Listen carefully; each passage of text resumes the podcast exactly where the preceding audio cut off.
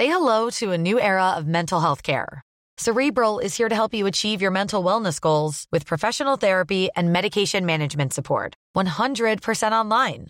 You'll experience the all new Cerebral Way, an innovative approach to mental wellness designed around you. You'll get a personalized treatment plan from a therapist, prescriber, or both in a safe and judgment free space. Your cerebral therapist or prescriber will outline a customized plan with clear milestones along the way so you can get to feeling your best. With Cerebral, you're not alone in your mental health journey. We're here to empower you to live a fulfilling life. So take that first step towards a brighter future and sign up today at cerebral.com slash podcast and use code ACasts to get 15% off your first month. Offer only valid on monthly plans. Other exclusions may apply. Offer ends July 31st, 2024. See site for details.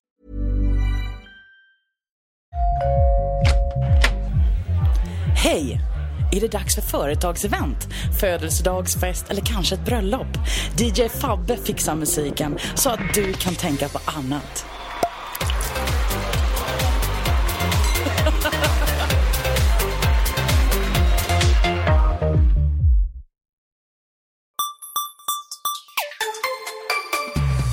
Hej och hjärtligt välkomna till Macradion. Även denna veckan så existerar vi i era eh, iPhones, iPadar eller andra sätt som ni lyssnar på oss. Den här veckan så är det jag, Peter Esse som vanligt, Gabriel Malmqvist som är hyfsat vanligt och Henrik Hågmark som inte är så vanlig längre. Ja, det känns skönt att vara tillbaka. Var har du varit eh, senaste veckorna? Ja, Henrik har varit eh, på språng helt enkelt. Jag har varit och, eh, varit och rest eh, en del och sen har jag varit eh, lite upptagen på andra sätt också. Men jag, i stort sett har jag varit ute och rest. Ja. Henrik på språng. Nästa podcast från det här gänget kanske. Kan vi verkligen rekommendera. Innan vi drar igång så vill vi tacka alla som har donerat till eh, saken. Ehm, det är ett gäng som har gjort det. Fem, sex stycken. Tack så jättemycket. Eh, man kan väl säga att eh, det är en bra bit på vägen. Men eh, vi ska behöva in lite mer och vi får kämpa lite till här. Eh, för våra kära mickar som vi ska eh, ha möjlighet att köpa in så att vi kan förbättra ljudet till er. Eh, I, i, I vårt fall, vi hör ju inte våra egna röster då utan det gör vi genom hörlurarna. Inte helt oväntat. Ja, det gör ni också förstås. Men det är just mikrofonen som är eh, oftast problemet då när det kommer till ljudet i Macradion. Och det ska vi fixa till. Ikväll så ska vi prata om Apple som varumärke. Vad har egentligen hänt de senaste tio åren? Och eh, Ron Johnson fick eh, nyligen sparken från JC Penny. Det var han som byggde upp eh, Apple Store Retail. Men han fick uppenbarligen inte samma förtroende. Ja, han fick ju samma förtroende men det, det hölls inte där i den stora amerikanska eh, detaljkedjan JC Penny. Vi ska också prata om att PC-försäljningen går spikrakt nedåt. Och eh, är det bra eller dåligt är frågan och vad beror det på? Men eh, innan vi kommer så långt så Henrik Hågemark. Mm. Apples varumärke, har det förändrats de senaste tio åren och hur i så fall? Ja, jag har funderat lite på det där såklart eh, inför veckans avsnitt och det är intressant ändå för att det, det finns ju många dimensioner tycker jag i, i, i Apple som, som varumärke och det man kan konstatera det är att det är ett otroligt starkt eh, varumärke, kanske det, det starkaste vi har så att säga. Det betingar ett, högt, ett högt värde också såklart i och med detta. Um, och och det, det jag tycker är lite intressant som, som, som jag har funderat över för att man, man har ju sen egentligen vår kära Steve när han kom tillbaka. Så, så det man valde då lite att lyfta fram eh, via den här Think Different-kampanjen eh, som man gjorde eh, som ni säkert kände till våra kära lyssnare så, så, så hade man en ganska bred kampanj där, där man pratade om att eh, man, man, man, gjorde, man gjorde helt enkelt kända, ja det var, vi har jättekända posters, vi har kända eh, små reklamavsnitt och sådär där man just pekade på hur Apple var, eh, var annorlunda, hur man vågade göra annorlunda saker och så. Och det, det tycker jag, för min del och som har varit Apple-användare länge så är detta extremt starkt förknippat med Apples varumärke, med Apples DNA. Det här att man, man tänker annorlunda, man gör nytt. Um, Och, och, och, på något sätt så menar jag ju att detta finns ju kvar. Um, det tycker jag absolut i hur, hur Apple som företag arbetar och vilken typ av produkter man gör. Men det som också är intressant tycker jag som vi har sett under de senaste åren via Apples framgångar, enorma framgångar när det gäller försäljning. Eh, Så mycket då är kopplade till succéer som iPod, iPhone och iPad. Va? Det tycker jag är att man kan säga att, att Apple har, har, har blivit eh, på ett sätt mainstream. Det är ju en, en produkt som, som eh, eller det är produkter man ser överallt numera. Jag, jag minns ju, Eh, det var inte så länge sedan ändå, ett antal år sedan, som om man såg någon med en iBook på tåget så kändes det liksom, det, det kändes bra i hjärtat. Man gick ofta fram och hälsade i princip. Va? Så det, det, det, är en helt annan, eh, annan verklighet vi har att jobba med nu. Och, och därför tyckte jag det kunde vara intressant att i det här sammanhanget också diskutera liksom den här den här, den här känslan av att Apple gör, gör, gör någonting som är annorlunda, att man, att man gör någonting som är unikt. Kan den bli lidande av att man gör produkter som finns på väldigt många ställen numera och väldigt många användare?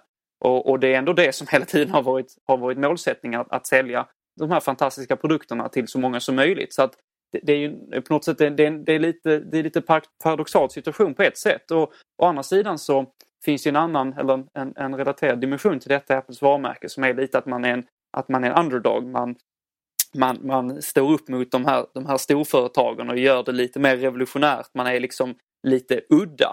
Och det kan ju också till synes bli konstigt när man, när man eh, har blivit en av de, ja om inte den så en av de absolut största spelarna och, och fortfarande behålla den här känslan av att ja, men man är lite man är lite cool, man är lite, lite, lite annorlunda där återigen och man, man, man är inte liksom, man är inte gubbar i kostym och man, man tänker inte på pengarna i första hand trots att, att Apple är kanske ja, det företaget som har lyckats bäst de senaste åren. Va? Så att där vill jag... Världens mest värderade företag. Ja, det också. Eh, så, att, så att där vill jag gärna ha mina kära vänners eh, input. Jag tycker det är väldigt intressant den här, den här utvecklingen vi har sett de senaste ja, eh, tio åren drygt.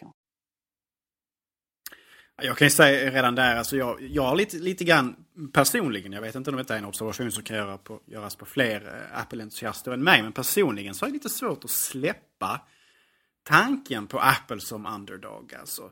På något sätt ändå så har man liksom utvecklat det nästan som en ryggmärgsreflex för det här laget att liksom rycka ut till Apples försvar och att man, att man, man ser på Apple som, som ett företag som, som är hotat och sådär. Och det har ju historiskt sett varit en ganska lång period där Apple som företag var ganska marginaliserat och, och, och obetydligt om man säger så. Och även för all del i ganska stor kris. Medan då, precis som ni var inne på här, om man sätter det i kontrast mot Apple idag som ju är liksom den stora spelaren på marknaden. Och som ju på många sätt får till och med giganter som Microsoft. Eh, som ju inte längre jämfört med Apple är speciellt stor egentligen. Eh, alltså, det, det, är ganska så, det har skett en, en, en, en enorm omvälvande förändring. Och jag har svårt mentalt eh, själv att ställa om lite grann i tänket där. Alltså jag, på något sätt så har jag ändå den här bilden av Apple som, är, som ett företag som är eh, som behöver hjälp. Alltså, alltså i den bemärkelsen att, att, att, att, att de på något sätt är i fara. Eh, även fast naturligtvis det är ju inte så alls. Utan jag menar Apple, precis som ni var inne på, är ju extremt mainstream idag. Har enorm omsättning och enorma vinster. Har ju egentligen aldrig sett bättre ut än det gör idag. Eh, men på något sätt ändå så har jag lite svårt att ställa om mig själv, om vi säger så, i tankegångarna kring företaget. Ehm, och det är egentligen ganska lustigt för att som sagt, det har ju skett en, en 180 graders förändring för företagets status och ställning eh, i teknikbranschen och för all del även eh, i världen som helhet. Det som är intressant med det du säger där Gabriel, det är ju just att, att Apple jag tror att många av oss i alla fall som har varit Apple-användare på olika sätt under en längre tid.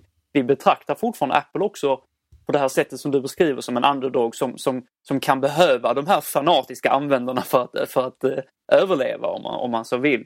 Och, och det, det, är det jag tycker är så intressant därför att det är fortfarande många som, som ser på Apple på detta sätt. Och till viss del kanske också de som bjuds in i Apple-familjen. Men finns det å andra sidan en risk att den, den här känslan försvinner i takt med Apples framgång Apple, i att Apple blir mer mainstream? Blir det då coolare att ha någon, märklig Android-lur. Liksom, för att det blir det då mer den här känslan av att man är lite annorlunda. För att det, man kan ju inte sticka under stol med att man är verkligen inte annorlunda när man har en iPhone 5. så är det bara. Så att det, det, det är ju rätt så, det, det är intressant det där. Så kommer det försvinna eller är det någonting man, man kommer kunna lyckas behålla eh, utan att ja, utan att liksom man, man, man går tillbaka i försäljning. Att man, att man fortsätter den utveckling som man har gjort och ändå lyckas behålla den här känslan av, av en underdog. Eller, och är det kanske någonting man måste göra mera aktivt för att fortsätta behålla den här känslan? Behöver vi en, en reklamkampanj som liknar Think Different-kampanjen eh, en, en ny sådan i ny tappning? Eh, jag vet inte vad ni känner där. Um, ja, det är en bra fråga. Egentligen är man ju lite småunik fortfarande för att vi har en iPhone. Trots allt. Eh, det var ju, dröjde inte så jättelänge från att Android-plattformen var... För det, det var lite så att vi skaffade iPhone och det gjorde resten av mänskligheten också kändes det som. Eh, konkurrenten hade ingenting att komma med. Och sen så släpptes ju då den första Android-telefonen. Eh, den kunde vi ju skratta åt. Men eh, där och då så blev det ju ganska stor... Då kunde man ju verkligen säga att det var underdogs på det sättet. Men sen växte ju det och det dröjde inte alls länge förrän eh, triljoner tredjepartstillverkare anammade det här systemet. Och på så sätt så växte man till en marknadsandel som vida överstiger Apples i världen. ska sägas. Det finns ju länder där eh, Apple med bara tre modeller får vi säga det numera då, eh, faktiskt har en större marknadsandel än, än Android-plattformen. Till exempel i USA. Och, eh, men i takt med att allt fler utvecklingsländer och så vidare får bättre ekonomiskt och därmed har råd att köpa mobiltelefoner eh, som är lite mer avancerade. Då är det ju eh, inte kanske iPhone man går på då, va? om det ens går att få tag på, utan då är det Android. Så totalt sett på marknads eh, hela världen och i väldigt många länder så är ju iPhone eh, i minoritet om det är det det handlar om. Sen så, sen så tror jag inte mindsetet är på det sättet. För att det var ju lite så här att nu, det har, det har kommit en medielogik nu att nu ska ju Apple skrivas ner och så vidare. Och det är fullt logiskt för att det har skrivits upp under några år. Eh, och nu så är det lite så här att man... Det har väl alltid varit lite så att Apple, eh, det, i och med att det är ett eh, högt nyhetsvärde på Apple så skrivs det mycket om det. Och det är alltid negativt, alltså krisrubriker är alltid ett högre eh, nyhets, eh, nyhetsvärden än det positiva.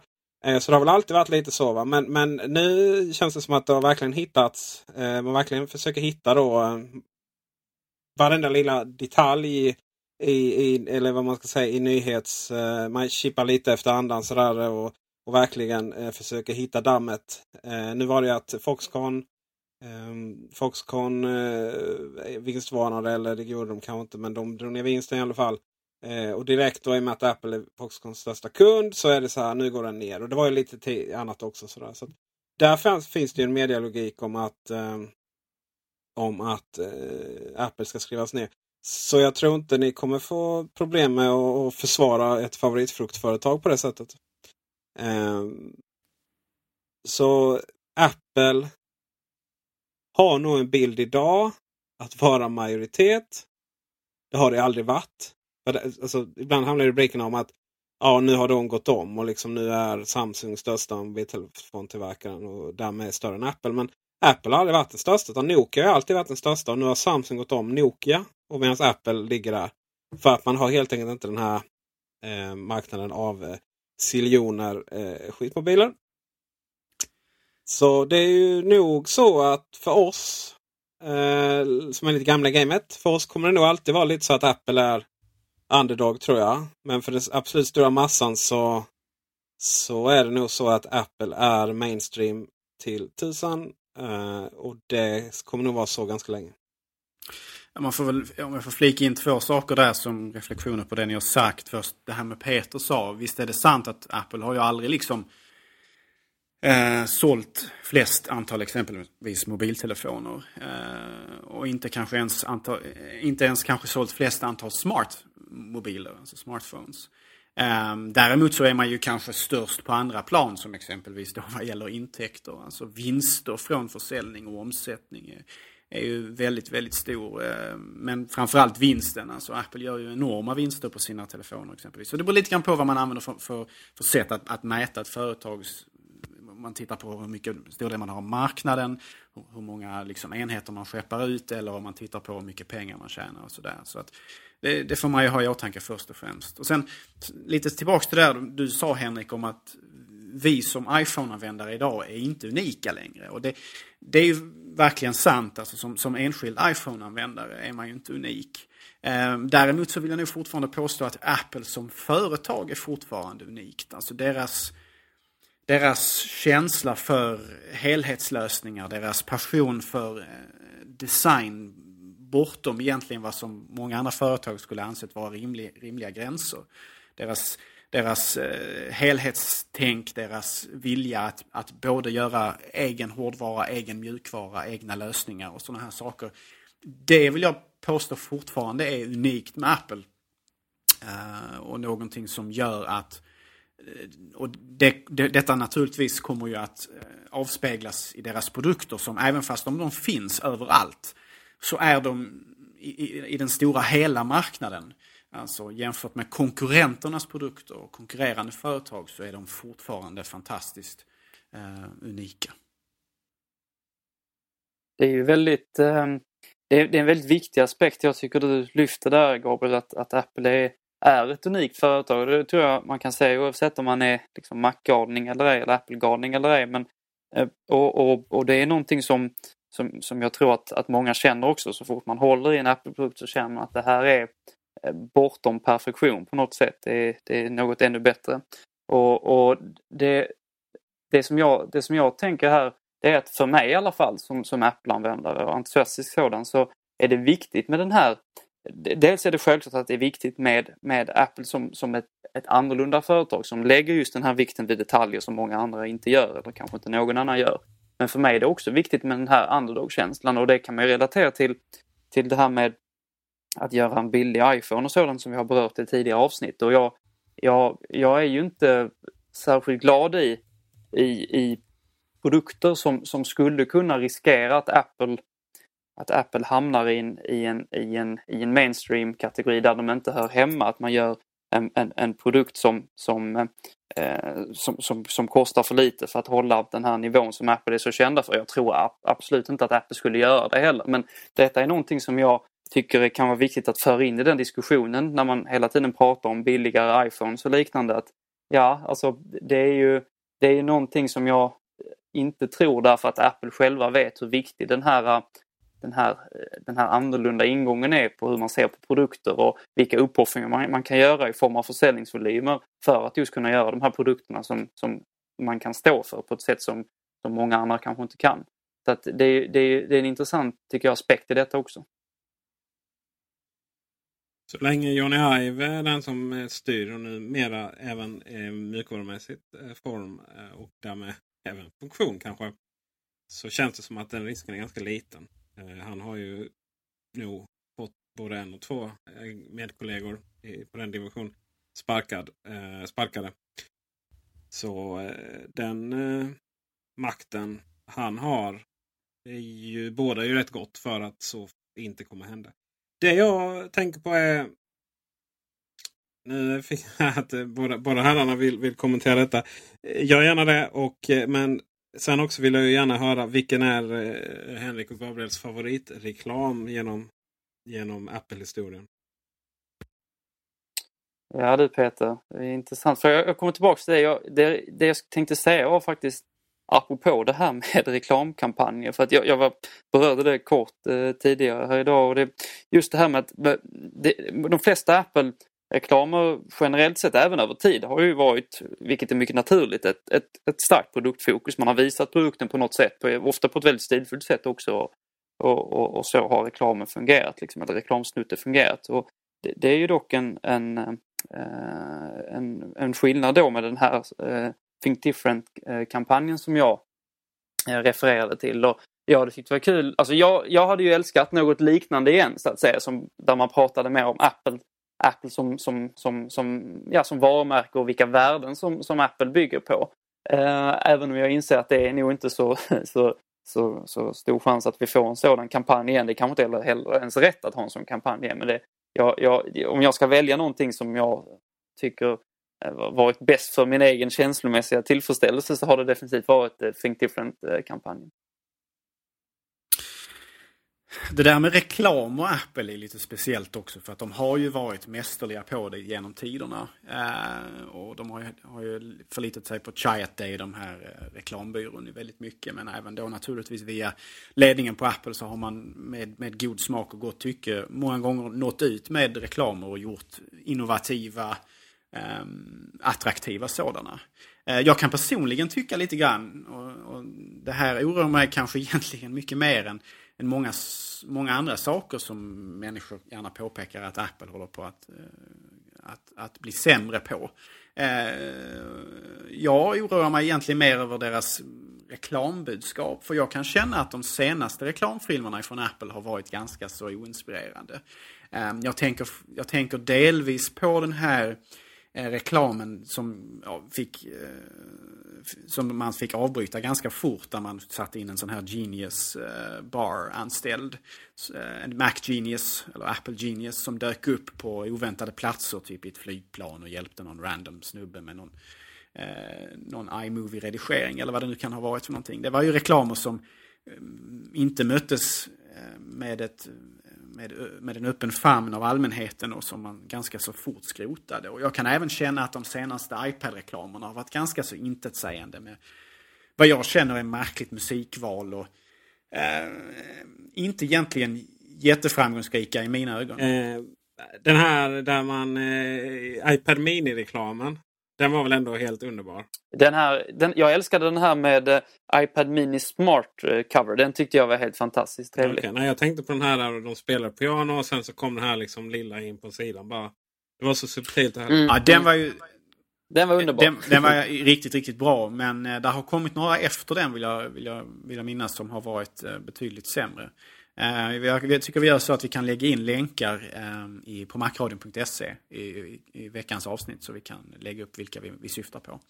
Eh, sen om, om jag får välja favoritreklam själv, det finns ju ett, ett enormt utbud från Apple som, som vi varit inne på här. Jag har lite av en förkärlek för den här klassiska iMac G4-reklamen. Ni kommer ihåg den här Sunflower-modellen. Där det är en man som går på en, en gata, kanske New York eller något liknande. Och så passerar han ett skyltfönster och där i står då en iMac G4. Um, ehm, och där han eh, observerar att datorn i sig observerar honom och sen så gör de då diverse rörelser och grimaser som speglar varandra. Um, den tycker jag är fantastiskt charmig. Um, och den, den gör ju även reklam för en, en, en produkt som kanske mer än både dess föregångare och efterföljare har varit ganska så unik i sin, i sin formspråk. Um, uh, den, de nuvarande iMacarna är fantastiska maskiner men iMac G4 är något, där var något väldigt speciellt med den modellen som den hade många brister naturligtvis. Man kunde inte göra så stor prestanda i den och så vidare. Men det fanns en, en, en charm och en attraktion i just den industriella designen med den här maskinen som, eh, som tilltalar mig väldigt mycket. Och detta speglas så otroligt briljant i den här reklamfilmen. Ehm, som, om ni inte har sett den så måste ni gå in på macradion.se eh, och klicka på länken som vi lägger upp där. För det är en fantastisk reklam. Där vill jag bara ja, instämma till vad du har sagt Gabriel med den fas. Alltså det är, eh, reklamfilmen som du syftar på här eh, till iMac E4 är otroligt trevlig. Den är charmig och intelligent samtidigt. Jag vill också instämma i det du sa tidigare att jag har tyckt att en del av de senare reklamfilmerna, inte alla men en del, har varit lite platta. Eh, det, I brist på, på andra sätt att beskriva det så lite, lite amerikanskt tramsig känsla har jag fått av vissa, vissa av dem också. Att det har varit lite så här eh, lite fint och tillgjort på ett sätt som jag inte har känt ligger i linje med, med eh, hur, hur, Apple annars brukar eh, göra sina reklamfilmer. För att jag, jag har ändå tyckt att det finns en, eh, ofta så finns det en, en känsla av att nej, det, här är, det här är på något sätt häftigt och det här är annorlunda. Det har inte varit så platt på något sätt. Men, men eh, så det, det oroar mig också lite att vi har sett sådana här reklamfilmer och jag, jag hoppas att, att det är ett, ett till, en tillfällig svacka att vi får se av den typen som vi faktiskt såg, som du var inne på Peter också med, med iPad Mini som jag verkligen kan känna var en, en väldigt trevlig och, och eh, äkta Apple reklamfilm. Ja, vi ska bara säga att pla platta där är helt rätt ord. Eller eh, man skulle även kunna säga trötta ja. eller slentrianmässiga. För de har känts ganska så eh, oinspirerade. Tack. Eh, min favoritfilm det är ju lätt Get a Mac-reklamen faktiskt.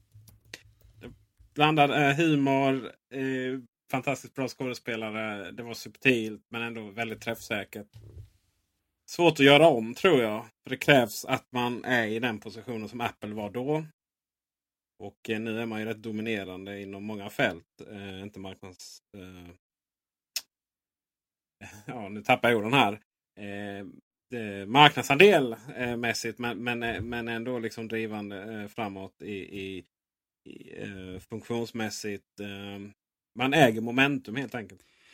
Ja, vad kan säga om de här Get Mac-reklamerna? Jag håller med dig också. Det är fantastiska reklamfilmer. Eh, mycket, mycket bra och framförallt John Hodgman är ju riktigt, riktigt briljant där, där han faktiskt spelar PCn eh, i de här två reklamerna. Det är, ju, det är ju en kontrast mellan herr Mac och herr PC då. Eh, och han är ju egentligen långt mycket... Som PC är han långt mycket charmigare, om än på ett dråpligt sätt, än vad, än vad Macen är där. Eh, men det, det, det, de är riktigt trevliga och eh, väldigt roliga att titta på. Och som, som ett litet eh, exotiskt tips där också, ifall man har sett dessa men kanske inte bevittnat deras brittiska motsvarigheter så ska man absolut googla fram dessa. Vi kan lägga in länken även på macradion.se där. Det är alltså ett brittiskt komikerpar vid namn Mitchell and Webb. Som har gjort ett antal av egentligen samma reklamer mer eller mindre. Men med sin egen lilla tolkningar och deras framförande är också fantastiskt briljanta. Um, Mitchell and Webb är en av mina absoluta favoriter vad gäller komik överhuvudtaget. Uh, riktigt, riktigt eh, duktiga. Um, och um, deras tagning av Get, Get a Mac-reklamerna är uh, också riktigt, riktigt bra. Jag skulle säga att den reklam som är sämst däremot det är ju de första iPhone-reklamfilmerna. Inte just den första men det var någon där de eh, intervjuade människor på stan typ som var bara sådär. Rent generellt måste man säga att iPhone-reklamen, iPhone-reklamfilmerna förutom den för iPhone 3GS då, är nog de som är mest tråkigast av dem alla. Eh, en annan sak som just de här Get Mac-reklamerna eh, handlade om det var ju det här, alltså, kritiken mot Windows. Och när Samsung började med att hetsa mot Apple i sina reklamfilmer. Bland, framförallt där när de gör narr av eh, folk som står och köar. Eh, då var det många som menade på Jaha, varför är det fel när Samsung gör det men inte när Apple gör det.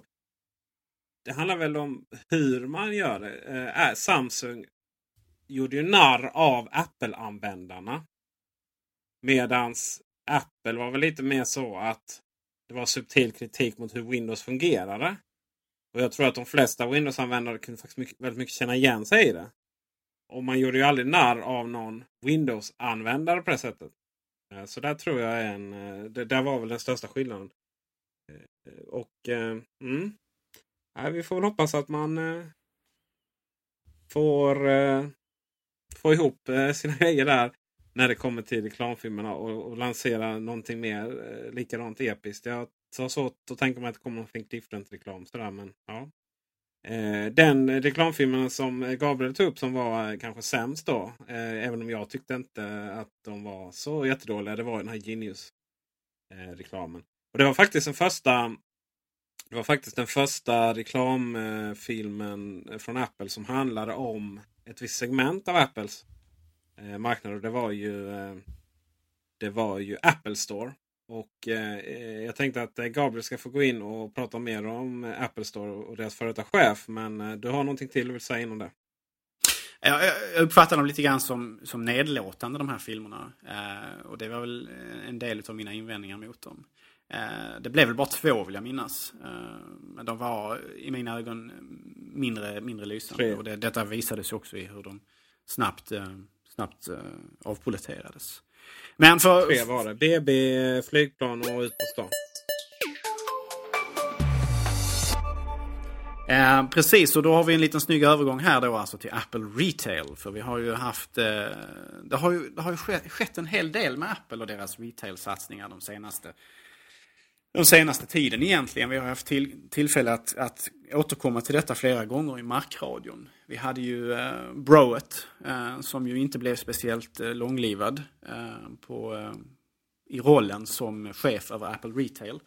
Sedan eh, Ron Johnson då lämnade Apple eh, under, jag tror det var 2011, han lämnade Apple för JC Penney. Um, och sen eh, efter det då så har det ju skett så här att eh, Browett Broet som inte var speciellt länge på platsen har ju blivit eh, fotad av eh, eh, Tim Cook i samband med att man även kickade ut allas vår vän, eller inte, Scott Forstall. Den här lilla rockaden som man gjorde på Apple för ett tag sedan. Där, som vi var inne på tidigare, bland annat då även Johnny Ive fick ett ökat ansvar. Eh, och sen dess så har ju alltså retail-segmentet sorterats under Tim Cook personligen. Detta är nog kanske ingen hållbar strategi i längden. Man har väl ifrån Apples sida gått ut och sagt om att man letar efter nya ehm, eh, någon ny att leda detta segmentet. Och det finns ju de som menar på att tack vare att nu då eh, Ron Johnson har tvingats ut ifrån eh, JC Penny eh, så skulle han då vara lämplig för den här rollen igen. Eh, men därom kan vi nog ha både en och annan åsikt, både kanske för eh, och emot. Men om vi ska prata lite grann om, om vad som hände där för de som kanske inte har följt med i hela det här, den här, eh, det här debaklet som har varit eh, Ron Johnson. Så, så kan man säga att han, han han, han kom från Target en gång i tiden. Han var relativt högt positionerad där, men han inte var chef, alltså den högsta chefen. Um, och sen så rekryterades han till Apple vid, eh, jag tror vid millennieskiftet, jag tror typ, typ 2000 då. Han, precis som Peter Esse pratade om här tidigare, så hade han framförallt Eh, ansvar för Apple Retail Stores. Och det här var ju en ganska kontroversiell sak när de kom en gång i tiden. Det var många så kallade analytiker och tyckare och tänkare som menade på att Apple kommer att misslyckas här. Det fanns ju... Så även Apples styrelse ska säga? Ja, det är säkert så. Ja. Det är säkert så. Men han... Ron Johnson då tillsammans med naturligtvis eh, Steve Jobs och liknande har ju då uppenbarligen stått på sig och det här har ju blivit en fantastisk succé. Eh, får man ju säga. Men det fanns då många som menade på att ja, men exempelvis Gateway hade egna butiker en gång i tiden. Det gick inte alls bra. Vem, vem köper Gateway-datorer idag? Och så här, va? Så att det fanns ju skräckexempel sedan tidigare på hur det inte fungerar för, för traditionella datortillverkare eh, att, att lyckas med egna butiker. Men Apple är ju, precis som vi kanske var inne på tidigare, ett ganska unikt företag och inte traditionell i speciellt många bemärkelser. Så Ron Johnson hade alltså en väldigt stor betydelse för Apple Retail Stores-utvecklingen. Eh, och han hade även, vad jag förstått så har han även ganska så stort inflytande på eh, Genius Bar-utvecklingen. Att han skulle vara drivande bakom detta. Tanken med att man hade en disk med särskilt anställda så kallade Apple Geniuses som, som kunde ta emot kunder med frågor eh, och problem Eh, som, så att man kunde gå till en butik och få hjälp nästan direkt och ha någon att prata med och luta sig mot och sådär. Ett, ett eh, tämligen, eh, ett väldigt serviceinriktat koncept som också har visat sig varit väldigt fruktbart. Eh, jag tror att eh, mycket av trafiken till Apples butiker har drivits utav att man kan komma in och man kan antingen beställa tid eller bara droppa in och, och ha möjlighet att prata med en riktig människa eh, om om frågor som man kan tänkas ha. Så det var Ron Johnson på Apple och sen så då så lämnade han Apple 2011 som jag var inne på tidigare. Fick 17 månader på sig här uppenbarligen på JC Penney för 2013, alltså nu för alldeles nyss, så var det dags att lämna företaget. Han blev mer eller mindre utsparkad. Um, han, vad jag har förstått, nu har jag läst på lite grann om detta, men vad jag har förstått så gjorde han en serie reformer. Eh, hans, hans vision med JC Penny var lite grann som med Apple, att man skulle liksom han ville förändra JC Penny från grunden. För vad jag har förstått, jag är inte, har inte varit så mycket i USA så att jag har besökt någon JC Penny nödvändigtvis. Men vad jag har förstått så var JC Penny ett företag som hade rätt så grumliga eh, inställningar till både hur man hanterar kunder och varor. Eh, om man exempelvis, ett exempel som jag läste var att man, man gärna höjde priset på en vara för att sedan kunna rea ut det bara några kanske dagar senare. Det var en uttalad strategi. Va? Samtidigt så kunde man ha mycket med kuponger och sånt här att göra. Um, ett ganska så fult sätt att hanteras med kunder om du frågar mig. Um, och Ron Johnsons vision på JCPenney då var helt enkelt att höja statusen uh, på butiken. Eh, genom att kanske då öka kvaliteten på det man sålde och att man hade rimliga priser som var så att säga statiska. Som inte byggde på att man hade kuponger eller ständiga reor eller vad man nu kan säga. Eh, så att man, han ville helt enkelt göra företaget ärligare om ni så vill. Eh, men vad som förmodligen har hänt här det är ju att han fick 17 månader på sig, det gick jättedåligt, verkligen en katastrof. Eh, den befintliga kundkretsen ebbade ut, de kunderna som man hade attraherat försvann och man lyckades inte attrahera nya. Många av de problemen som han stötte i, som han nog stötte på här, det var väl förmodligen att det fanns befintliga butikschefer eh, som ju naturligtvis fortfarande satt på, på lokal plats och kanske motarbetade de här nya tankarna. Um, företagskulturen alltså, i allmänhet kanske var ganska så svår mottaglig för det här, den här förändringen. Sen är det ju så vad jag har förstått från att ha läst om det här att han kanske Han gick väl in lite grann med tanken på att han Jag vet hur vi gör det här utan att egentligen göra den här alltså, efterforskningar utan att egentligen prova sin, sina teorier på en, på en liten så att säga koncentrerad del för att se om det faktiskt fungerar. Utan man, han gjorde ganska så svepande förändringar över väldigt kort tid som eh, fick eh, extremt negativa konsekvenser för företaget. Eh, där kunder helt enkelt slutade komma och där omsättningen har, har fullständigt eh, dalat. Alltså. Så att eh, JC Penny valde alltså att sparka ut honom därifrån. Och ja, då är frågan naturligtvis, eftersom han nu är tillgänglig igen och eftersom Apple inte ersatt eh, John Browett med någon, ska de ta tillbaka honom? det tror jag inte är möjligt faktiskt. Det funkar inte så. Jag menar, eh, och sen måste man också eh, man måste också förstå varför han gick från Apple. Och det sägs ju att han kände väl sig utmanövrerad när Steve Jobs var på sjukledighet. Och eh, siffernissan eh, Tim Cook kanske inte riktigt eh, förstod värdet i eh, att eh, lägga ner så mycket grejer på saker som inte direkt genererar försäljningspengar. Och eh, det var väl då det, det här hände. Eh, sen samtidigt så, ja, Tim Cook tog ju verkligen en person som, som då eh, från de här stora el Dixon då, John Browett. Som ju faktiskt är en typisk sån ellada. De äger väl Elgiganten genom någonting. Eh, och det gick ju sådär va. Så, men, men, man anställer väl sällan en person som har gått på det sättet. Frågan är vem som, eh, vem som egentligen skulle kunna klara av att sköta det här här eh, jobbet. Och sen är det också lite så att eh, frågan jag skulle vilja ställa då till, till både Gabriel och Henrik är att Gabriel först då, i och med att du vill ha ordet. Eh, var det Apple Store som skapade Ron Johnson eller var det Ron Johnson som skapade Apple Store? Ja, det är den klassiska frågan vad som kom först, hönan eller ägget. Ja, det, det kan man ju verkligen fundera kring. Eh, jag vill bara flika in också att jag, jag tror inte han är på väg tillbaka heller. Eh, och jag tror inte att det hade varit önskvärt heller för Apple, även fast han kanske då ville tillbaka.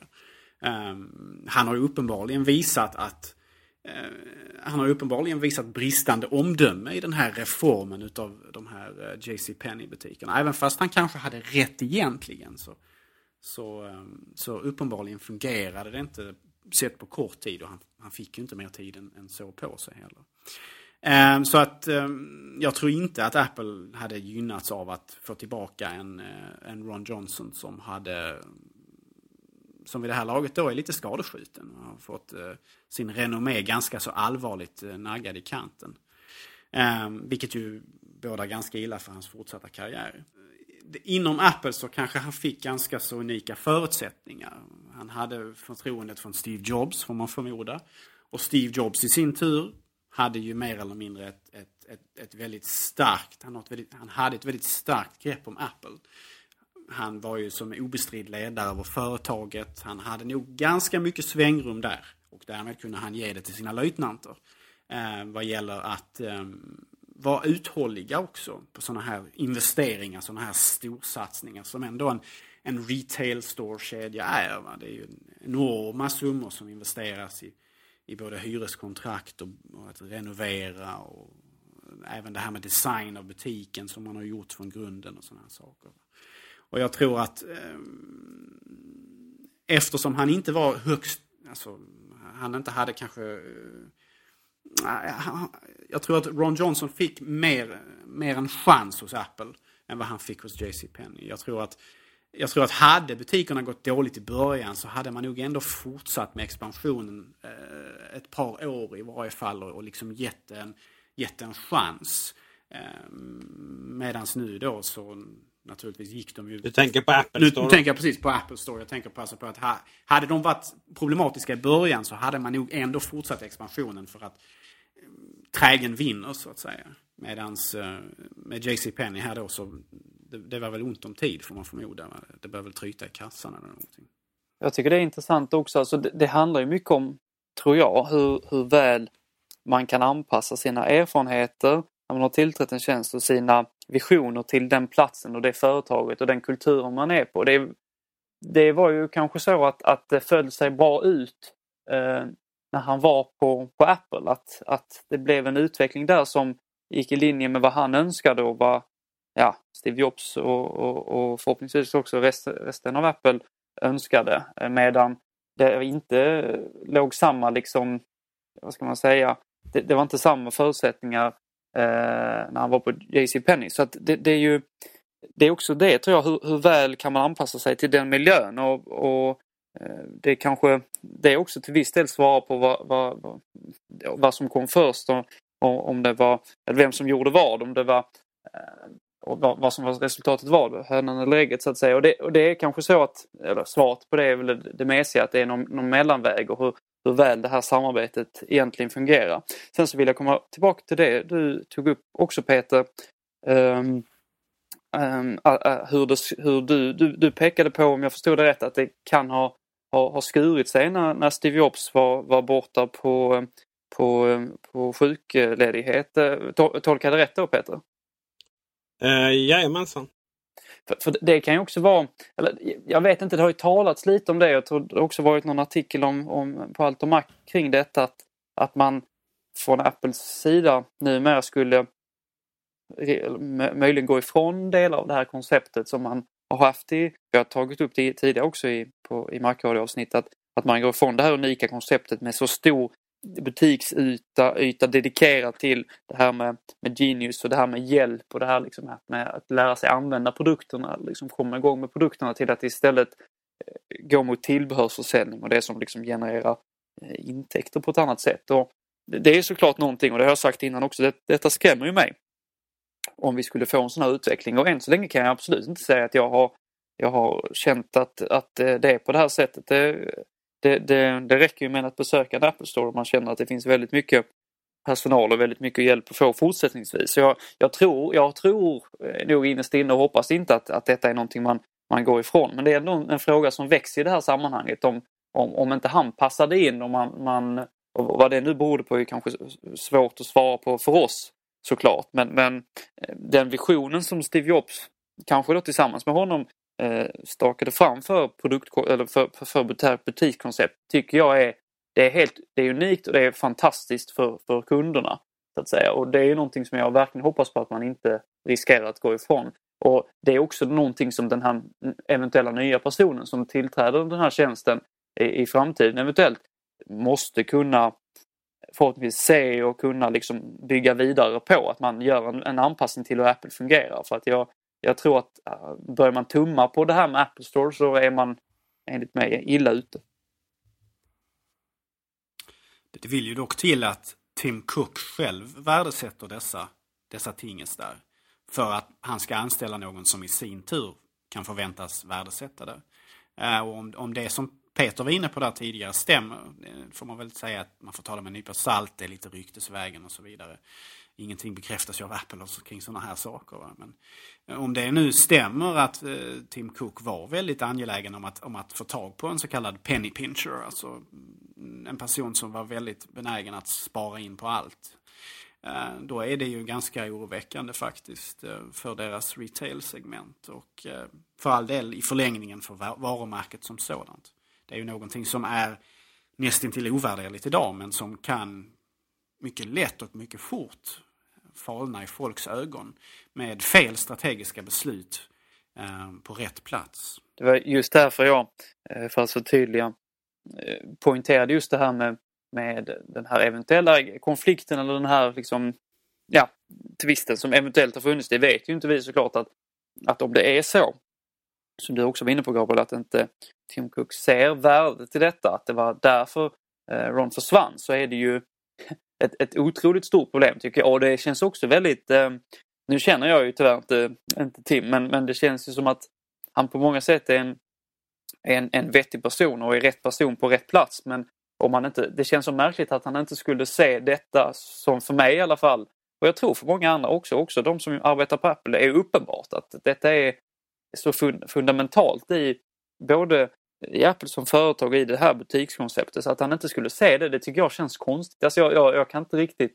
jag, jag, tror, kan inte tro på det riktigt alltså för att han i allt han säger och i allt man hör från honom så känns det ändå som att han är i stort i alla fall Steve Jobs eh, lärjunge om man, om man så vill. Men han eh, anställde ändå en person från eh, världens mest notoriska elare. ja, och det... Och å andra sidan sa Det är intressant. Om, jag vet inte, det, det är konstigt att, att det, det, det, är, det, det är någonting som stöder lite det här att det skulle vara en, en ny inriktning på något sätt. Eh, och det, jag vet inte, vi, vi kan inte, det är svårt att spekulera kring vilka förutsättningar det har funnits för den här den här korta perioden. Men, men om man trodde att det skulle ändå eh, ge någonting annat än vad vi kan se i den här diskussionen. Men på något sätt så känns det skönt att, att, eh, att, att han är borta. För att jag, jag, jag känner att det, det, är, det är oroväckande om det, om det går åt det hållet. Man kan väl säga så här att eh, vad vi har sett av Tim Cook hittills så är han ju mycket mer benägen att till, tillgodose investerares krav på Apple. Eh, och det är ju lite, kommer ju liksom in på det här lite grann med besparingar och så vidare. Att man vill öka vinster. Va? För vi har ju exempelvis sett under Tim Cooks ledarskap hur Apple har börjat med utdelningar till aktieägare då. Va? Någonting som, som Steve Jobs under hela sin regenstid var eh, uppenbarligen starkt emot eftersom det aldrig på något sätt eh, inträffade under, under honom. Åtminstone inte under Steve Jobs 2-eran där han var högsta chefen.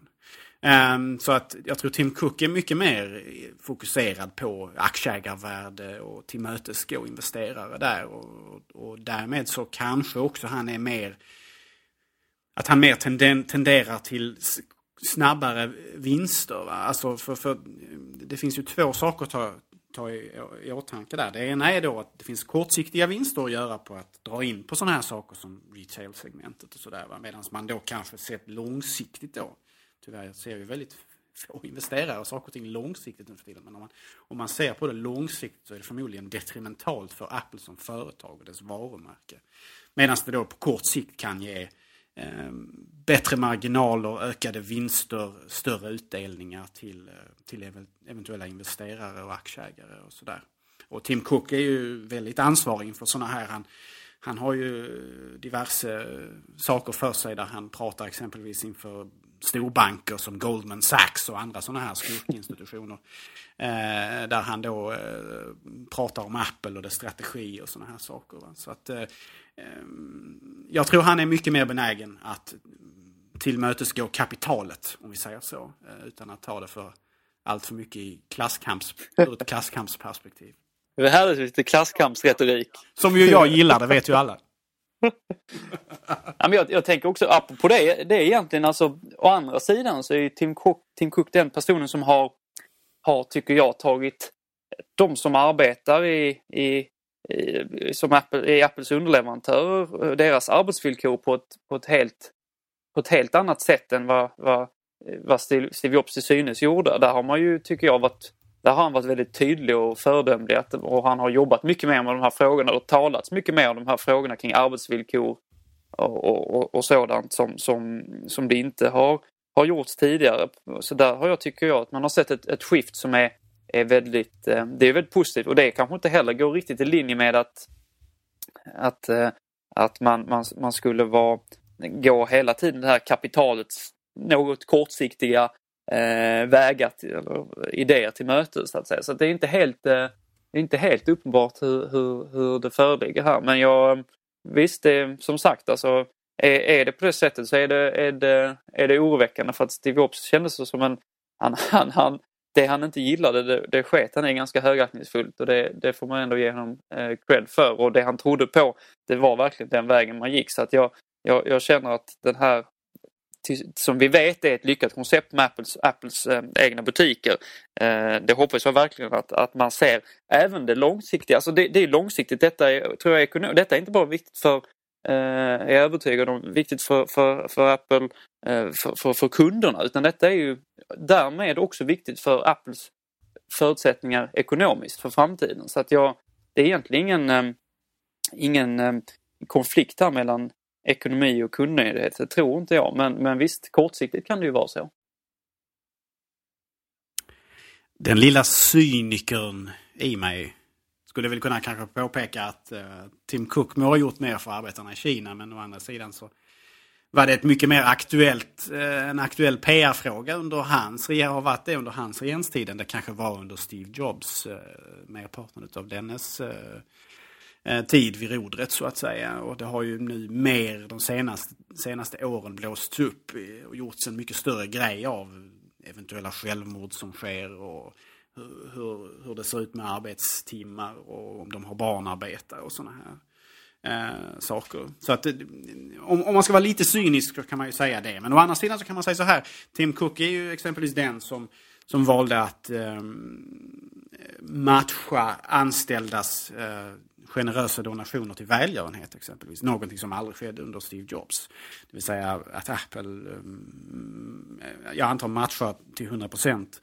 Eh, då, så att om en anställd gör en donation från sin lön till Greenpeace, låt säga, så matchar alltså Apple den donationen. Jag, jag vet inte om det är till 100% eller till en viss procentsats, men att, att man åtminstone möter upp där och, och, och sådär. Och det, det, tar man ju lite grann av krigskassan eller om du så vill investerar eh, eh, tillgångarna så att säga. Så att eh, visst, eh, man kan se det ur olika perspektiv och han, han är väl kanske inte den ondskefulla kapitalisten nummer ett, eh, Tim Cook. Jag, jag, eh, I den mån det nu finns någon sådan. Så. Mm.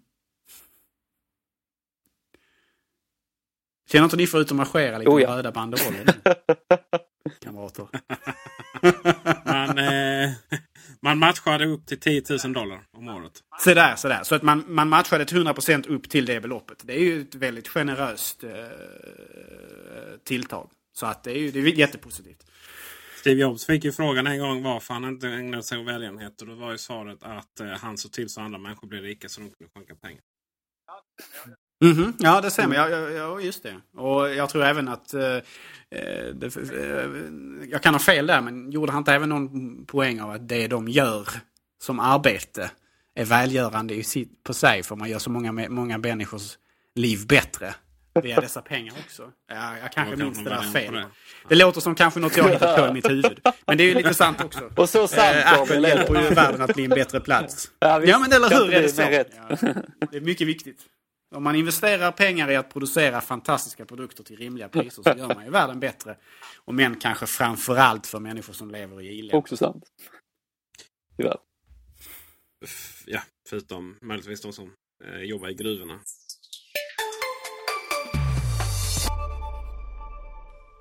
Eh, på tal om gruva. Eh, PC-försäljningen har ju gått ner något så exceptionellt. Det har faktiskt aldrig någonsin gått ner så här mycket Eh, från kvartal till kvartal. Då. Och eh, det har gått ner 14 procent enligt IDC.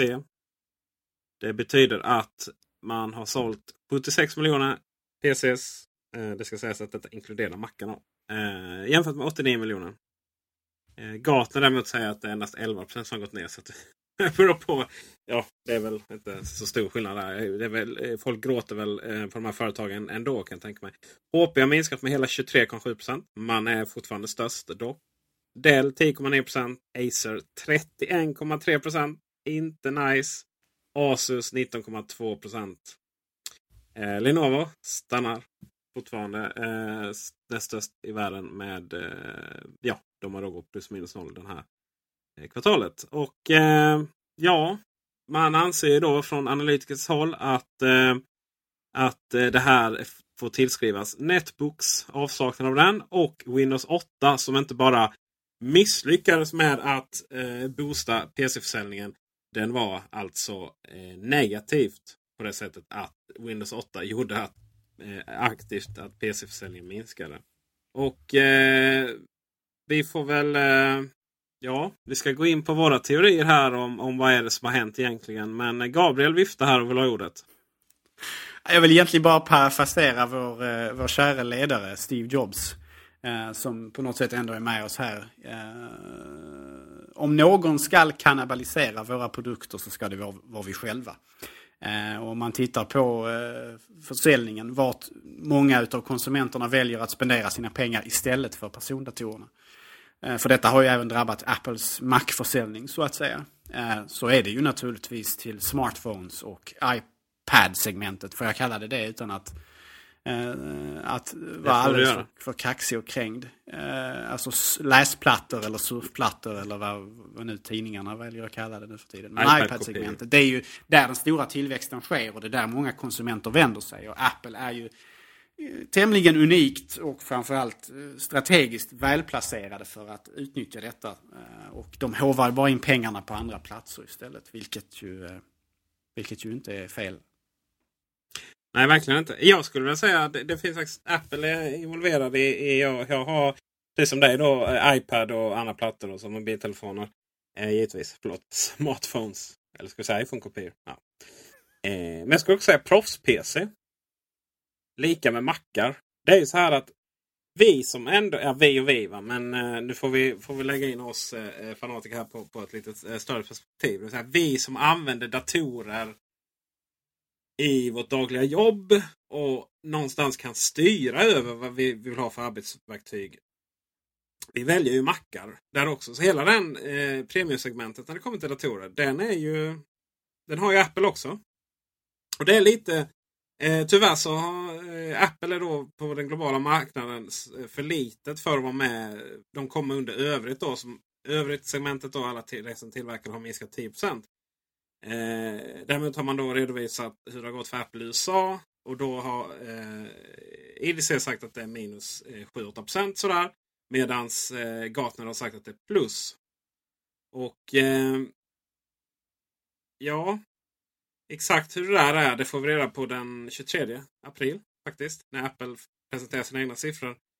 Eh, men man har ju absolut då inte gått ner i alla fall eh, på de här talen om det är nedgång. Jag tror inte det är det i och med att iMac-försäljningen har ju säkert dundrat på som bara den här.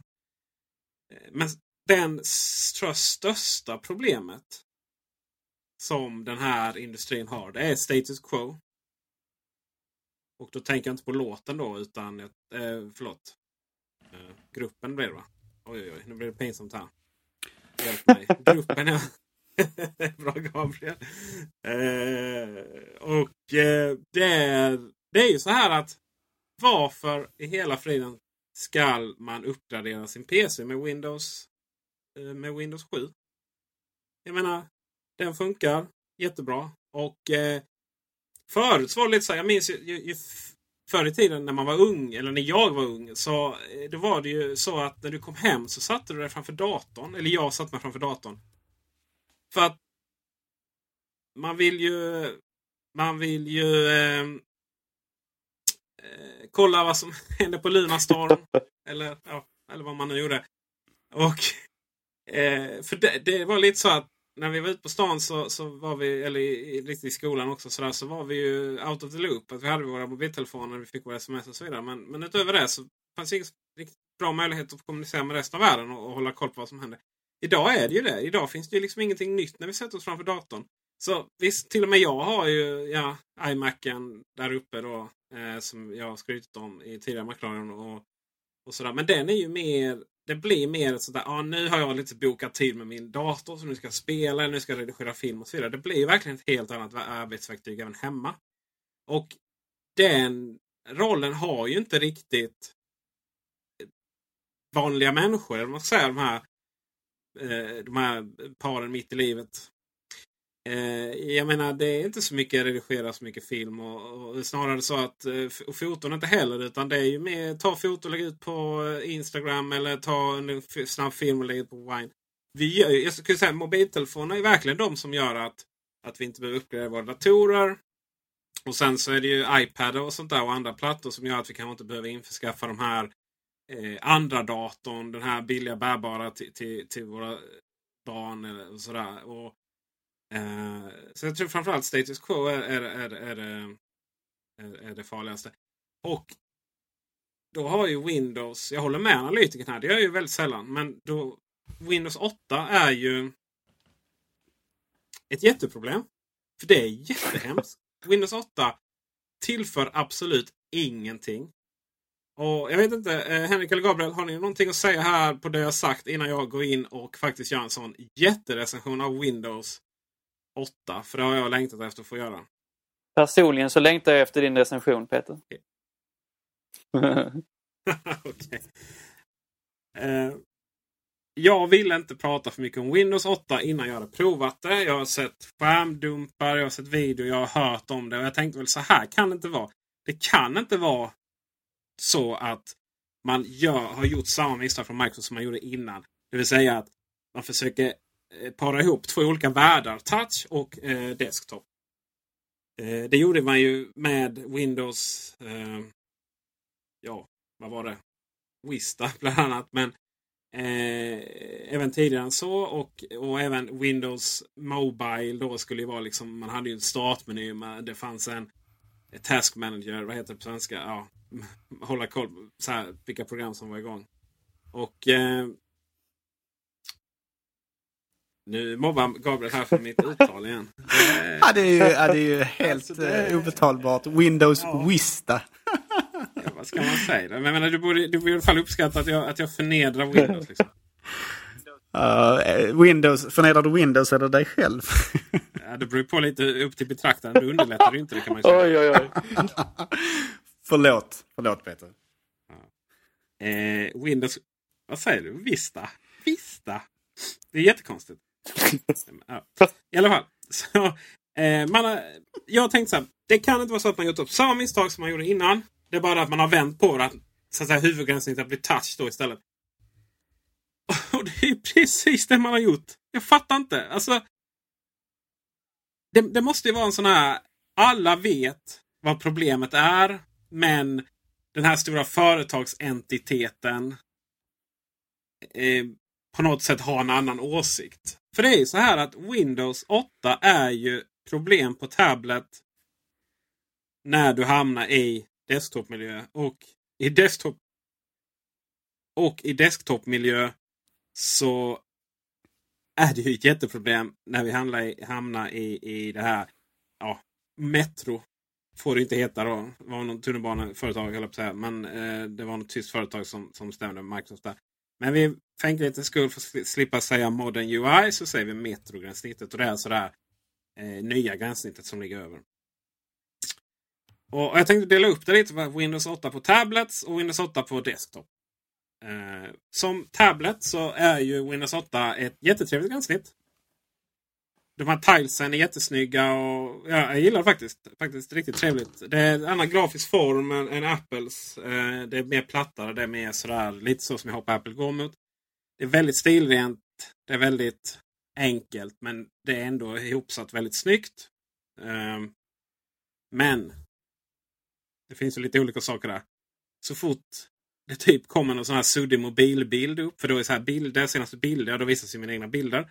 Och så fort det är man tagit någon egen bild då, förutom den här snygga bilden som faktiskt kommer med från början. Ja, då blir det inte riktigt lika snyggt. Det är så här så fort du börjar liksom använda det så, så blir det ju. Men det är inte så farligt egentligen. Det som är farligt är att så fort jag installerar ett program, typ till exempel Dropbox eller One Password eller, eller Battlefield som jag faktiskt installerar Windows för att få spela. Ja, det blir inte alls så snyggt. För då får man upp en tile och så får man upp eh, helt enkelt ikonen för... Ja, tyst eh, symbolen symbolen för, eh, för det här programmet i metrogränssnittet. Och det blir så här, då går det från att vara jättesnyggt och, och prydligt och sen till höger så är det bara någon jätteful ful, visserligen detaljrik men ändå ja, detaljrik är det inte. Det är inte de här högupplösta eh, symbolerna som, som är i MacOS utan det är liksom lite plottrigt och, och sådär. Det blir verkligen inte snyggt. Så fort du börjar använda det så blir det inte nice som vi säger här i Skåne. Eh, när vi är ute i Eslöv och testar eh, traktorer. Eh, sen är det också här så fort sen vi startar programmen då, då går vi in i det här klassiska gränssnittet. Och det är ju så plottrigt. Det blir så litet. Kan jag tänka mig. Jag har inte använt det på tablet. Uh, men det, blir blir precis vanliga Windows med så här jätteplottrigt litet, min, litet gränssnitt med små ikoner överallt och, och, och sådär. Och det är jättehemskt. Men då har vi inte ens börjat. För hur är det Windows 8 på desktop? Det vill säga på min iMac 27-tummare med 27-tumsskärm. Nämnde jag 27? Ja. Eh, det här är ju så här. Då blir ju metergränssnittet mer som en eh, startmeny. Liksom, drar jag musen längst ner till vänster så kommer jag upp på det här. Om jag är i vanlig desktopmiljön så kommer den här metergränssnittet. Och det blir ju fult där också då givetvis med, med vanliga, vanliga program installerade. Eh, och eh, Tillsammans med de vanliga tilesen då. Uh, ja, och det går, det går inte så här då. Ah, men jag ska ersätta det med något annat eller så. Nej. Uh, det är inga program som följer med Windows 8. Vanliga desktop-program. Det är Windows, Internet Explorer. Det är liksom ingen kalkylator. Ingen jag vet inte, adressbok. Ingen... Man får inte ens MS-röj med. Fattar du hur det känns? Tomhet. Ja. Och utan då är det de här då är det apparna som är i metrogränssnittet. Då, då finns lite... Eh, där finns mailklient, där finns liksom... Eh, det ska sägas musikspelare och bildvisare. Sånt är lite inbyggt i gränssnittet i Windows 8 eh, till viss del. Sådär. Men det är ju inte alls det här liksom... Ja, gillar man inte iTunes. Oj, oj, oj. Får man inte att starta där. Men i alla fall. Eh, då finns det de här olika programmen eh, för att, få organisera musik och, och, titta på bilder. Och, Eh, mail, adressbok, kalender. Men det är, alla, det är fullskärmsappar. Och varför hela friden vill jag köra fullskärm på min 27-tumsskärm? Och det är också sådär, det är inte så här att nej men okej, vi har så enorm skärmyta, fullskärm, vi använder det till max. Nej, de är extremt avskalade appar och, och det funkar jättebra såklart på tablets. Men varför vill jag ha det på min iMac? Och jag ska säga det att jag har fortfarande inte lyckats hitta sökrutan i vare sig App Store eller Windows Store eller vad det heter, Windows Market, förlåt. Eller mailklienten. Fattar hur frustrerande att sitta i mailklient, försöka hitta ett mail och inte kan hitta sök... Sökrutan. Eh, och det, det, finns ingen logik heller. Liksom. Jag högerklickar på lite olika ställen. Det blir helt olika menyer. Det finns liksom aldrig någon riktig logik bakom det där. Eh, samma sak med inställningar. Vissa inställningar ska göras i, i det klassiska Windows Desktop. Vissa inställningar i Metro. Vissa inställningar Alltså i metrogränsen så anpassas inställningarna lite till efter vad som är igång. Och eh, i eh, desktop så är det ju vanliga klassiska desktop-inställningar som vi alla vet känner från gamla Windows. Eh, för att använda mailklienten och restboken och, och, så här så måste jag alltså ansluta mig till ett Microsoft-konto. Fast det är inte den mailen jag vill ställa in. Så jag kan, inte, jag kan inte bara lägga in min Gmail eller min, min eh, vanliga IMAP-mail eller popkonto. Ingenting. Jag måste alltså skapa ett Windows-konto för att kunna lägga in mina vanliga mail. Det känns ju sådär lagom. Eh, ja, storebror. Men, eh, mm. men sen är det så här. Jag fattar inte. Jag har så svårt att fatta det sista här. Det är att gränssnittet på vanliga desktop-miljön, det är så otroligt fult. Visserligen har de skalat bort vilka Windows och sådär. Men Eh, det vill säga att man, man har gjort... Eh, eh ja, du ser liksom att det är först när du, när du går in i musikmappen och, och har musik då som du kan få fram eh, spelare för musik och sådär. Men vanliga fönstren är, eh, de är avskalade på ett visst sätt. Men som standard så anpassar sig fönstrens färger. Inte fönstrets färg, fönstret är vitt. Men runt omkring har du en ganska tjock eh, ram. Och längst upp så är det ännu tjockare. Eh, det anpassar sig efter vilken bakgrundsfärg du har. Eller bakgrundsbild. Eh, ja, eh, och eh, det är ju jättesmart i teorin sådär. Så lägga på en liksom, liten brun, röd, snygg bakgrund. Det följer med väldigt mycket snygga bakgrunder. Jag ska säga att skärmsläckarna är typ samma som för 100 år sedan. Men bakgrunderna är jättesnygga. Det är bara att lägga på den här snygga brun, brun eh, eh röda konstverket så då blir kanterna eller ramen på fönstren de blir liksom bajsbruna. Och då pratar vi om du har kanske lite ont i magen också faktiskt. Eh, och, och lägger jag på någon limegrön bakgrund så ja, då blir då blir, eh, då blir de gröna. Fast de blir inte gröna på ett snyggt eh, stilrent estetiskt limegrönt sätt. Utan det blir så här liksom ja, mossa från 70-talet. ja, prosit. Um, och jag har så, ja visst, och då kan man stänga av det här. Ja, fast jag vill inte stänga av det. Jag vill ju använda det så som utvecklarna menar att man ska använda det. Och visserligen stänga av det så blir det en sån här hemsk annan brun, eller förlåt, grå färg. Ja, jag har så oerhört svårt att förstå varför man har gjort på det här sättet. Windows 8 Metro, jättehärligt gränssnitt på tablets. Jättehärligt gränssnitt på telefoner. Microsoft gör så här. Istället för att försöka få ihop det. Nu ska man ha in liksom eh, hör i nya versionen ska man försöka få in även liksom Windows telefondelen och, ah, och kombinera allting. Uh, gör så här. Windows 8, det nya fina fräscha gränssnittet. Sätt det på tablet, sätt det på telefoner, solsatsa på det. Windows 8 för desktop. Ta bort allting. Skala ner, eller rättare sagt finslipa desktop-versionen ännu mer från Windows eh, 7. Faktum är att man skulle till och med kunna ha kvar Windows 7 och jobba mer med det. Och sen så skulle, vi, eh, så skulle de släppa Windows 8 på tablet eller, eller, eh, prata, eller döpt det till någonting annat. Jag saknar helt och hållet förståelse varför man har gjort på ett annat sätt. Frågor på det mina vänner? Ja, vi njöt. njöt. Utan tvekan. Eller jag gjorde i alla fall. Reflektion kolon. En Windows-recension i Mac-radion. Helvetet mina vänner har härmed officiellt frusit över. Fast det var ju ingen Windows-recension, det var ju en Windows-rant.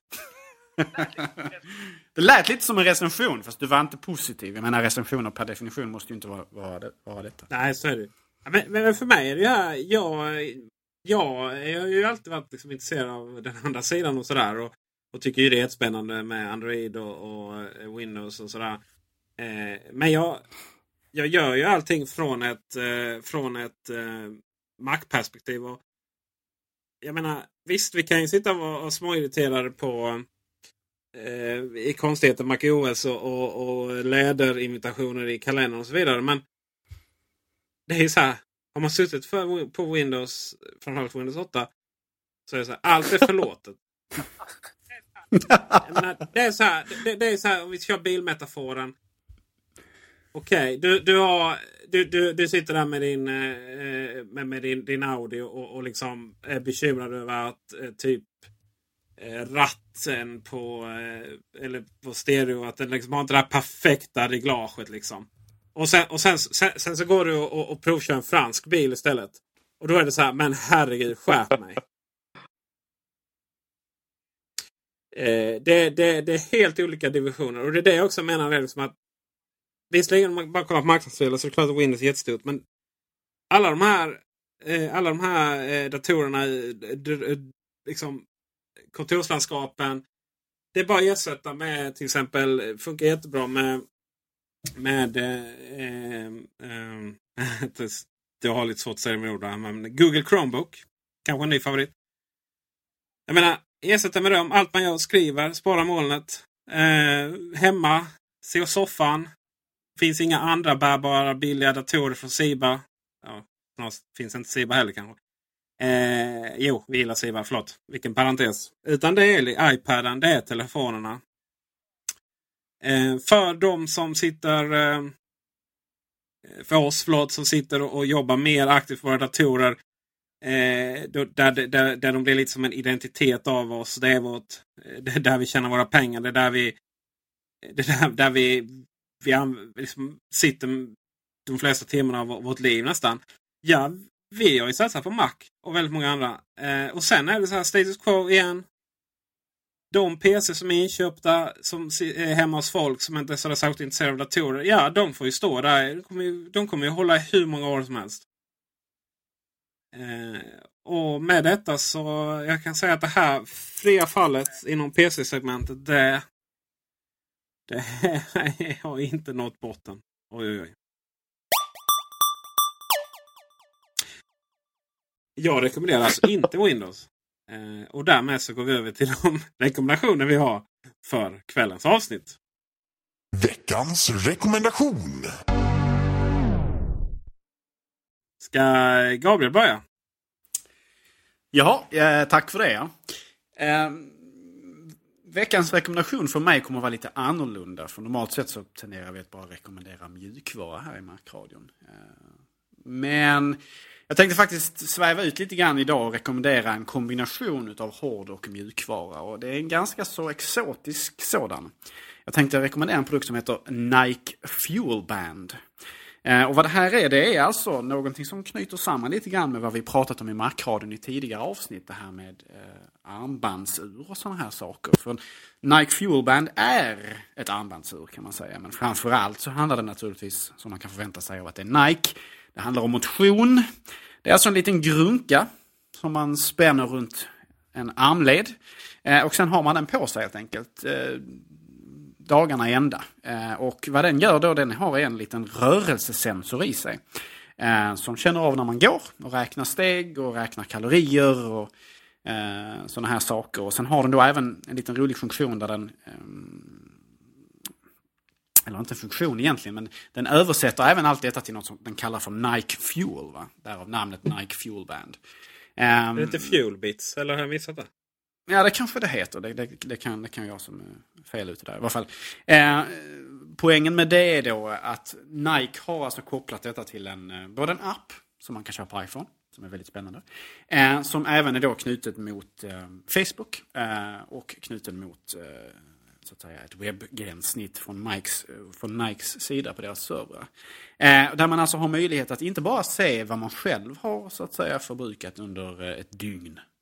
Vad gäller hur mycket Nike Fuel som man har använt. Um, utan man kan även då socialt mot sina vänner via Facebook mäta sig mot dem. Eh, och man kan få grafer över hur man har skött sig, när på dagen som man gör mest och sådana här saker. Och den här, den här är en väldigt tålig liten sak. Du kan både Leva med den, sova med den, duscha med den. Jag vet folk som har badat med den. Eh, den är väldigt, väldigt trevlig att ha. Eh, och just den här sociala biten tycker jag är det som ger sporren verkligen. För att jag, vi har lite av en, eh, en liten intern tävling här just nu på, på Jansson-datadelen av Kullander Jansson. Eh, så vi i Helsingborgsbutiken har nästan alla eh, skaffat oss varsitt Nike Fuelband. Eh, och vi har då alltså lite tävlingar mot vem som kan prestera mest sett över, sett över tid så att säga. Och det är väldigt, väldigt, väldigt inspirerande och sporrande att se Speciellt som jag visade sig jobba med en, en, en, större samling hurtbullar hela högen. Så att det visar sig att folk rör sig långt mycket mer än jag någonsin kunde drömma om att själv röra mig. Men jag, jag kämpar i varje fall i rankingarna och, och arbetar mig framåt där. Så att det är en väldigt, väldigt rolig liten sak det här. Det finns dock ett, ett en, en caveat, ett, ett problem och det är att den säljs officiellt sett inte i Sverige. Eh, men det går att få tag på ändå. Eh, den säljs officiellt sett faktiskt eh, bara i staterna Eh, och på lite andra platser. Inklusive om man ska i Europa så säljs den i eh, England. Eh, den har lanserats i staterna i januari 2012 så den har faktiskt funnits ett, ett, ett bra tag. Men Tyvärr har vi alltså inte fått den till våra kuster ännu. Men det är en väldigt rolig sak och vill man ha tag på den så är det ju bara att prata med om man känner någon som ska till staterna eller, eller man kan köpa dem. Ofta finns det ett, ett antal utlagda via Blocket eh, och liknande tjänster, Tradera och sådär. Där man får betala oftast några hundralappar mer än vad den kostar normalt sett. Eh, den ligger på en tusenlapp lite drygt i staterna. Eh, beroende lite grann på valutakursen för stunden. Ehm, man kanske får räkna med ett antal hundra mer om man köper den från någon annan här. Men det är en jätterolig grej. Eh, inte jätteavancerad men spännande. Och just när man har möjlighet att både då se lite så här grafer och den, man kan ställa in mål och sådana här saker och se hur man sköter sig sett över tid. Och framförallt tycker jag då den sociala funktionen när många i ens bekantskapskrets har den och man via Facebook kan koppla upp sig och sådana här saker. Ehm, är riktigt, riktigt kul, riktigt, riktigt roligt, riktigt, riktigt inspirerande och sporrande. Så det är, det är min rekommendation alltså. Nike Fuelband, Det är en produkt för en drygt 1000-1500 kronor beroende på hur man får tag på den. Eh, tillsammans med dess eh, korresponderande mjukvara då till iPhone som eh, möjliggör en, eh, en, ett långt mycket mer intensivt träningspass än man kanske förväntar sig från början. Så det är mycket, mycket spännande och mycket, mycket roligt. Fråga på det. Hur hanterar en cykel? Ja, alltså mm, det är ju tyvärr rörelser på armen som den hanterar mer. Så att eh, vad jag, nu har jag inte cyklat så mycket med den än så länge va. Men, men den är nog lite sämre i det fallet va. Om inte man kanske spänner den över ekrarna och hoppas att den håller. Så är jag nog rädd att den är lite sämre på att mäta aktivitet där. Ehm, Det finns ju lite olika storlekar och har man tillräckligt eh, ja, klena ben kanske man kan smälla den där om istället när man väl är ute och cyklar. Jag vet inte, det går väl att lösa på något sätt. Men den är inte optimal sett ur det perspektivet, det är den faktiskt inte. Ja, lite Eh, synd. Det är lite synd, jag håller med dig. Eh, Man får väl vifta mycket med armarna när man är ute och cyklar så ska du se att det blir bra ändå. Ja, vad bra. Eh, jag vill tipsa om Youtube-klienten Jasmine. Och det är väl mest för att eh, den, den är faktiskt snyggare och snabbare än eh, app, eh, förlåt, inte Apples utan Googles officiella Youtube-klient. Men det är också så att man slipper reklamen. Och det, det kan ju jag som småbarnsförälder gilla. För att eh, Leon då, sonen, är, han blir ju helt galen när han har valt och, vill titta på typ sådana här. Eh, han gillar eh, folk som vi gör videorecensioner av Lego och eh, bilar då från Disneys bilar. Eh, tycker han är jättespännande. Och när han har valt det då vill inte han se reklam då. Eh, jag inser att, att det är ju lite sådär, vad ska man kalla det? Det är klart att det är reklamen som gör att Youtube fungerar så. Men det funkar inte. Han blir jättefrustrerad. Så Jasmine eh, är appen för dagen när det kommer till Youtube. Och den är faktiskt mycket smartare och mycket trevligare och mycket snyggare. Och allmänt bara mycket bättre än Youtube-klienten. Men gud vilken fruktansvärd ikon, för att säga som Peter, i, eh, ikon den har. Ja, verkligen horribel. Ikon! Det, alltså din skånska är inte rikssvenska. Det ska Det är vi väl glada Scott Forstall skulle ju hyllat den här ikonen, så ful är den alltså. Nej, fruktansvärd. Men i klienten i övrigt kanske, och vad jag tittar på skärmdumparna, ser väl helt okej ut och kanske framförallt är bättre än den officiella. Men ikonen kunde de väl lagt lite krut på att eh, Ja, det, fräscha var, till. det var roligt typ tredje gången men sen... Ja, den, den appen jag hade tänkt att rekommendera idag den är rätt så den är rätt så mainstream faktiskt och den är relativt gammal också men den kom nyligen i en eller nyligen, relativt nyligen i en ny version. Uh, Wonderlist är den appen jag tänker på. Och uh, jag har provat en del, eh, en rad olika kom ihåg eh, listor, program och sådär och jag har väl jag, jag har hela tiden velat ha någonting någonting enkelt, någonting lättjobbat med inte för många funktioner ska jag säga också. Och som eh, ett krav var också att det fanns ett program på macken och ett, ett iPad-anpassat program också. Och sen, eh, det var inte ett krav men det var en, en, eh, en väldigt stark önskan för mig som student att det skulle vara gratis eller billigt. Och OneList uppfyller de här kriterierna. Ehm, det är gratis, det är, finns program för alla tre Eh, enheterna så att säga, vilket jag tycker är väldigt trevligt. Det eh, jag uppskattar med det är enkelheten. Det har också väldigt bra, man kan ha många parallella kom ihåg-listor som man kan dela då. Jag är engagerad i studentförening och, och annat så då kan man dela de här listorna med, med andra eh, och ha en privat kanske och sådär. Så att jag, jag tycker att Wonderlist är ett överlag, ska jag säga, trevligt program. En, en trevlig kom ihåg-lista för de som vill ha en, en, en synkbar, enkel kom ihåg-lista Ehm, eller ehm, påminnelselista som, som eh, ehm, som ändå är, är relativt lättjobbad och som inte kostar så mycket. Eh, sen finns det saker jag hade väl önskat att de la till och, och det finns saker man kan förbättra utan tvekan. Men eh, överlag så är det en, en program jag tycker, ett program man ska, jag tycker man ska testa om man har behov av att avlasta hjärnan som jag har utan tvekan. Men du Henrik, jag sitter här och tittar på Mac-versionen utav programmet va? Och det ser ut att vara någon hemsk träfärnissad Jag kände på mig att bakgrund jag skulle komma faktiskt med utseendet.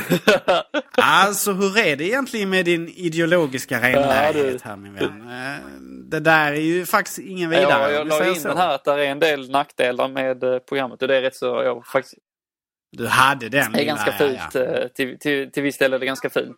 Det är ganska fruktansvärt, det har du helt rätt i. Det är någon panel. Man kan byta på eh, bak, bakgrunden här men det, är ingen, det ser inte klokt ut nästan hur man än gör. Jag har, jag har provat.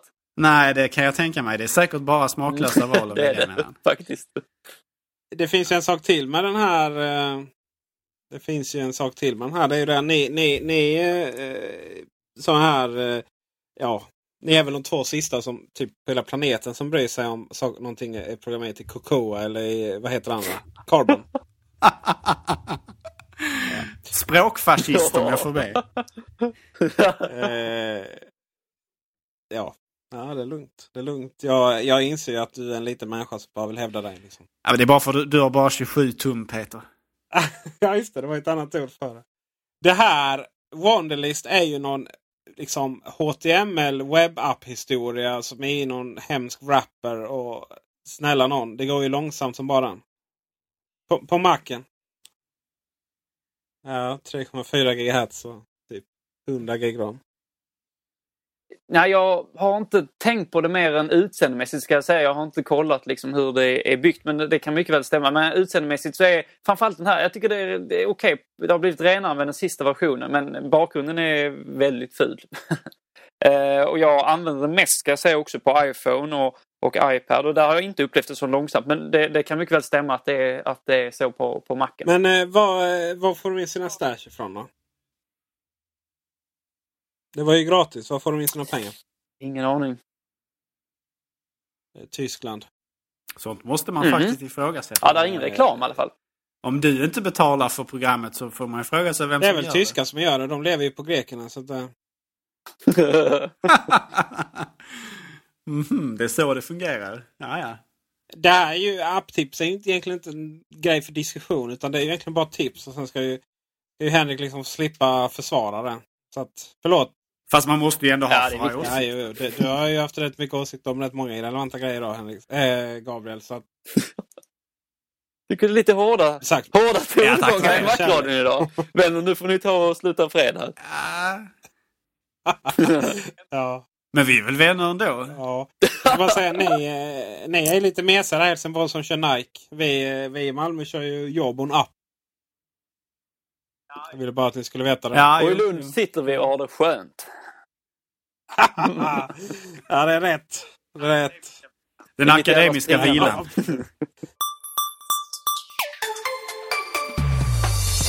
Med denna syskonkärlek får man nästan säga så avslutar vi den här veckan. Tack så mycket Henrik. Tack så mycket Gabriel. Tack så mycket Fabian Ruben för att du redigerar vecka ut vecka in. Tack Och för att du finns. Det är för att det finns ja. Vår favoritdoktor. Tack för råden om, om Alvedon. Eh, tack alla ni som har donerat till oss. Vi, vi startade en insamling här för behövande Macradio-mickar.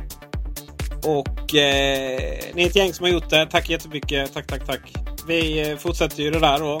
Vi är inte riktigt i mål ännu. Och eh, vi är jättetacksamma. Nu har jag sagt några gånger här men vi, vi hörs nästa vecka. Ha det underbart. Hej hej!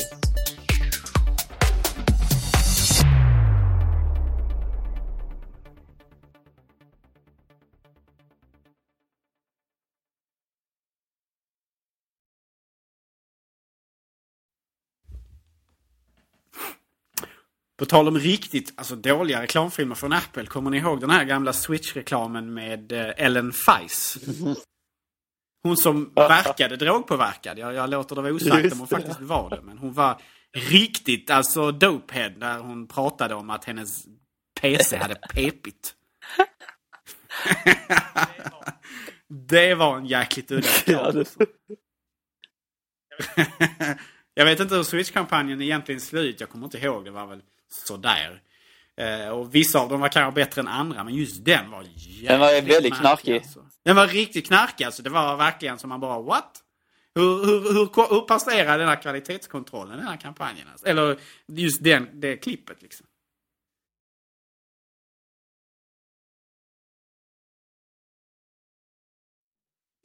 en annan, eh, en annan app som har eh, faktiskt eh, en liten...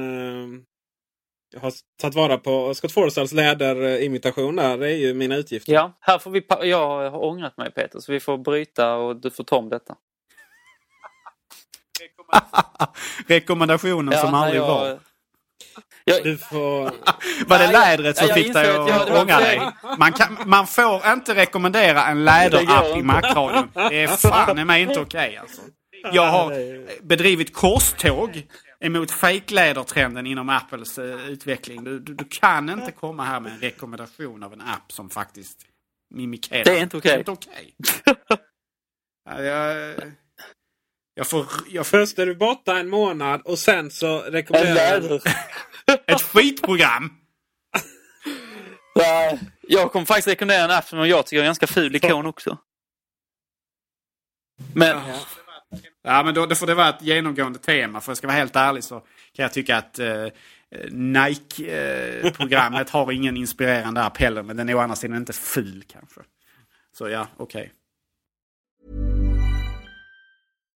The number one selling product of its kind with over 20 years of research and innovation. Botox Cosmetic, botulinum toxin A, is a prescription medicine used to temporarily make moderate to severe frown lines, crow's feet, and forehead lines look better in adults. Effects of Botox Cosmetic may spread hours to weeks after injection, causing serious symptoms. Alert your doctor right away as difficulty swallowing, speaking, breathing, eye problems, or muscle weakness may be a sign of a life threatening condition. Patients with these conditions before injection are at highest risk. Don't receive Botox Cosmetic if you have a skin infection. Side effects may include allergic reactions, injection site pain, headache, eyebrow and eyelid drooping, and eyelid swelling. Allergic reactions can include rash, welts, asthma symptoms, and dizziness. Tell your doctor about medical history, muscle or nerve conditions including ALS or Lou Gehrig's disease, myasthenia gravis, or Lambert-Eaton syndrome and medications, including botulinum toxins, as these may increase the risk of serious side effects. For full safety information, visit BotoxCosmetic.com or call 877-351-0300. See for yourself at BotoxCosmetic.com.